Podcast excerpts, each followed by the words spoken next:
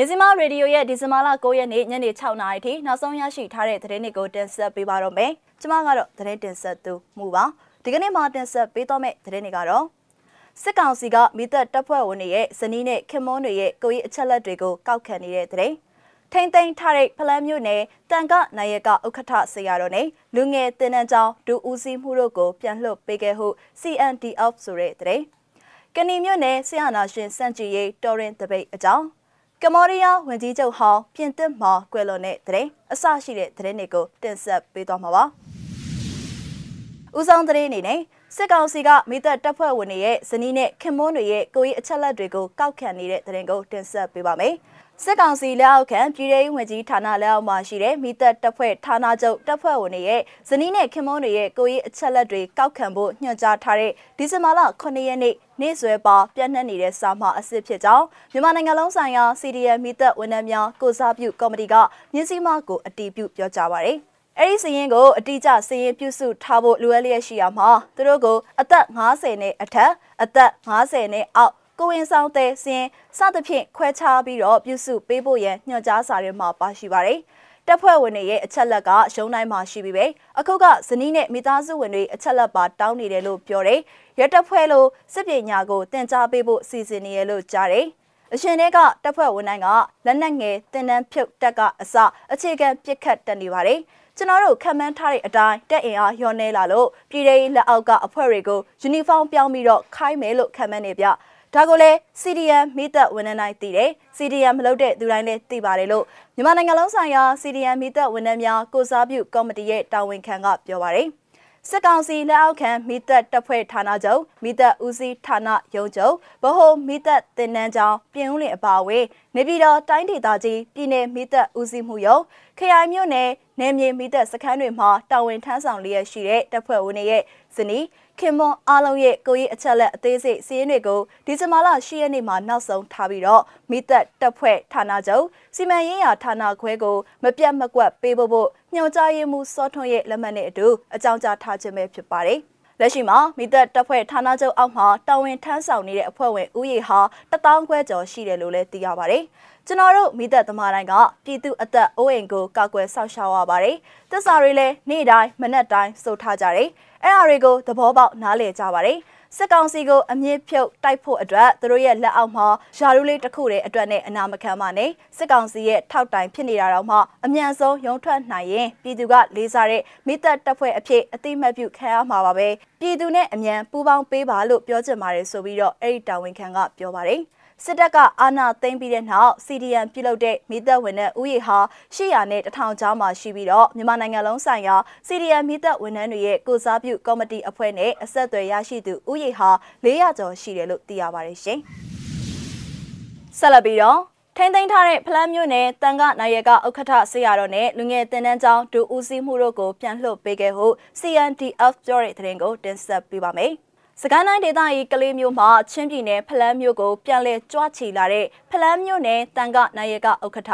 လုံပီသာသနာယခိတပရိယတိသာသနာပြုစာတင်တိုက်စီရတော့ ဘတ်တန်တာညဏိကနဲ့တွားရောက်ပင့်ဆောင်တဲ့လူငယ်တင်နန်းကျောင်းကဒူဦးစီမှုချစ်စနိုးတို့ကိုမနေ့ကဒီဇင်ဘာလ10ရက်နေ့မှာပြန်လှုပ်ပေးခဲ့ကြောင်းချင်းမျိုးသားကာကွယ်ရေးတပ် CNDF တာဝန်ရှိသူတဦးကပြောပါရယ်အဲ့ဒီဖလန်းမြို့နယ်တန်ကားနိုင်ရကဥက္ကဋ္ဌဆေရတော်နဲ့တွားရောက်ပင့်ဆောင်တဲ့လူငယ်တင်နန်းကျောင်းမှဒူဦးစီမှုတို့နှစ်ဦးပျောက်ဆုံးနေတယ်လို့စစ်ကောင်စီကသတင်းထုတ်ပြန်ထားပါရယ်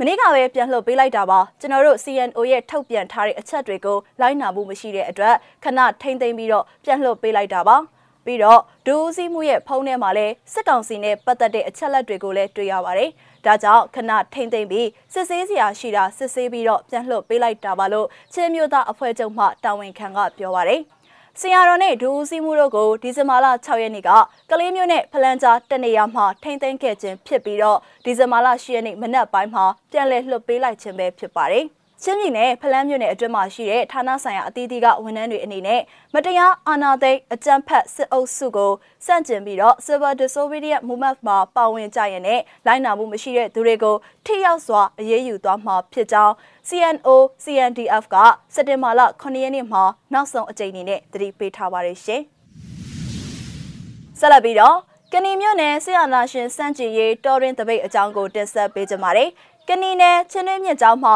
တိုက်ပွဲတွေရှိနေပေမဲ့လည်းကနီမြို့နယ်ဆရာနာရှင်စန့်ကြည်ရေးလူထုတပိတ်စစ်ကြောင်းဟာဒီကနေ့ဒီဇင်ဘာလ9ရက်နေ့မှာတော်ရင်တနေရာမှာဆန္ဒပြတပိတ်မှောက်ခဲ့ကြပါတယ်စစ်ကောင်စီတောက်တိုင်မှန်သမျှစက်တင်ကြစက်တင်ကြစစ်ကောင်စီတောက်တိုင်မှန်သမျှစက်တင်ကြစက်တင်ကြစစ်ကောင်စီတောက်တိုင်မှန်သမျှစက်တင်ကြစက်တင်ကြအမေစုနဲ့တမရာကြီးကို မတရားမိန်ချတဲ့ ကနီနယ်သားမောင်မောင်လွင်ဆွေရင်ကျိုးသက်သေးခိုးနဲ့သေးပါစေအမေစုနဲ့တမရာကြီးကို မတရားသဖြင့်အမိန်ချတဲ့ကနီနယ်သားမောင်မောင်လွင်ဆွေရင်ကျိုးသက်သေးခိုးနဲ့သေးပါစေကနီနယ်သားရွေကောဥက္ကရသိန်းစိုးလုံးမရှိလုံးမရှိကနီနယ်သားရွေကောဥက္ကရသိန်းစိုးလုံးမရှိလုံးမရှိရေတော်ဘုံအောင်ရမည်ရေတော်ဘုံအောင်ရမည်ရေတော်ဘုံအောင်ရမည်ကနီ နောက်ဆုံးသတင်းအနေနဲ့ကမ္ဘောဒီးယားဝန်ကြီးချုပ်ဟောင်းပြင်သစ်မှာကွယ်လွန်တဲ့သတင်းကိုတင်ဆက်ပေးကြပါမယ်။သတင်းပြေဆုံးကိုတော့ရုပ်သံဖိုင်မှာရှုစားကြည့်ပါဦးရှင်။ကမ္ဘောဒီးယားဝန်ကြီးချုပ်ဟောင်းမင်းသားနိုရိုဒွန်ရာနာရက်ဟာနိုဝင်ဘာလ28ရက်တနင်္ဂနွေနေ့ကပြင်သစ်နိုင်ငံမှာကွယ်လွန်သွားကြောင်းနိုင်ငံရဲ့ပြန်ကြားရေးဝန်ကြီးက Facebook မှာကြေညာခဲ့ပါတယ်။သူဟာလက်ရှိအာဏာရှင်ဟွန်ဆန်ကိုတစ္ဆာခံတဲ့ တပ်ဖွဲ့တွေဦးဆောင်တဲ့1998ခုနှစ်သွေးထွက်တမ်းယိုအာနာသိမ်းမှုမတိုင်ခင်1993ခုနှစ်မှာဝန်ကြီးချုပ်အဖြစ်ရွေးကောက်တင်မြှောက်ခံခဲ့ရပါတယ်။အသက်89နှစ်ရှိပြီဖြစ်တဲ့ရာနာရစ်ဟာ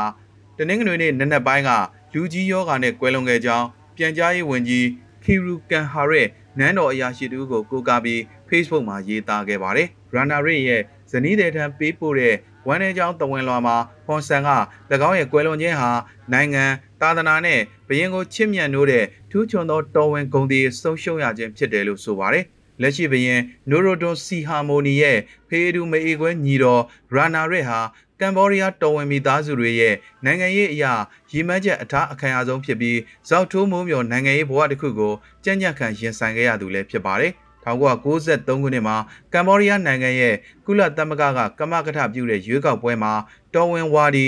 ဖူစင်ဘက်ပါတီရဲ့ခေါင်းဆောင်အဖြစ်အနိုင်ရခဲ့ပေမဲ့ဟွန်ဆန်ကိုပူးတွဲဝန်ကြီးချုပ်အဖြစ်လက်ခံခဲ့ရပါတယ်။ဟွန်ဆန်ကသူ့ကိုနောက်၄နှစ်အကြာမှာအာဏာသိမ်းမှုဖြင့်ယာဒူးကဖယ်ရှားခဲ့ပြီးအကျင့်ပြတ်ခြားစားမှုဆွဆွဲချက်တွေနဲ့ထပ်မံထိုးနှက်ခဲ့ပါတယ်။လိမ်လည်မှုတွေနဲ့ပါတီကထုတ်ပယ်ခံရပြီး2008ခုနှစ်မှာလူငင်းချမ်းသာခွင့်ပေးခံခဲ့ရပြီးနောက်ပိုင်းမအောင်မြင်တဲ့နိုင်ငံရေးလှုပ်ရှားမှုနှစ်ကြိမ်ပြုလုပ်ခဲ့ပါတယ်။ 2015ခုနှစ်မှာသူ့ကိုဖြုတ်ချခဲ့တဲ့ဟွန်ဆန်နဲ့မထင်မှတ်ထားပဲမဟာမိတ်ဖွဲ့ခဲ့ပြီးဟွန်ဆန်ရဲ့ကမ်ဘောဒီးယားပြည်သူ့ပါတီနဲ့လက်တွဲဆောင်ရွက်ဖို့ဖူစင်ဘက်ပါတီကိုပြန်လာခဲ့ပါတယ်။နောက်၃နှစ်အကြာရွေးကောက်ပွဲမဲဆွယ်စီယိုရေးလုပ်ရင်း၎င်းရဲ့ဒုတိယဇနီးဖြစ်သူအုတ်ဖလာကားတိုက်တပ်ဖြတ်ခံလိုက်ရပါတယ်။ကမ်ဘောဒီးယားနိုင်ငံဆိုင်ရာအမေရိကန်တန်အမတ်ပက်ထရစ်မာဖီကရာနာရစ်ရဲ့ရုပ်အလောင်းကိုမကြာမီပြန်လည်လွှဲပြောင်းပေးမှာဖြစ်ကြောင်းထုတ်ပြန်ကြေညာခဲ့ပါတယ်။ မြစီမရေဒီယိုရဲ့ဒီဇင်ဘာလ9ရက်နေ့ညနေ6နာရီထိနောက်ဆုံးရရှိထားတဲ့သတင်းတွေကိုတင်ဆက်ပေးခဲ့တာပါ။နားဆင်ပေးခဲ့တဲ့အတွက်ကျေးဇူးတင်ပါတယ်ရှင်။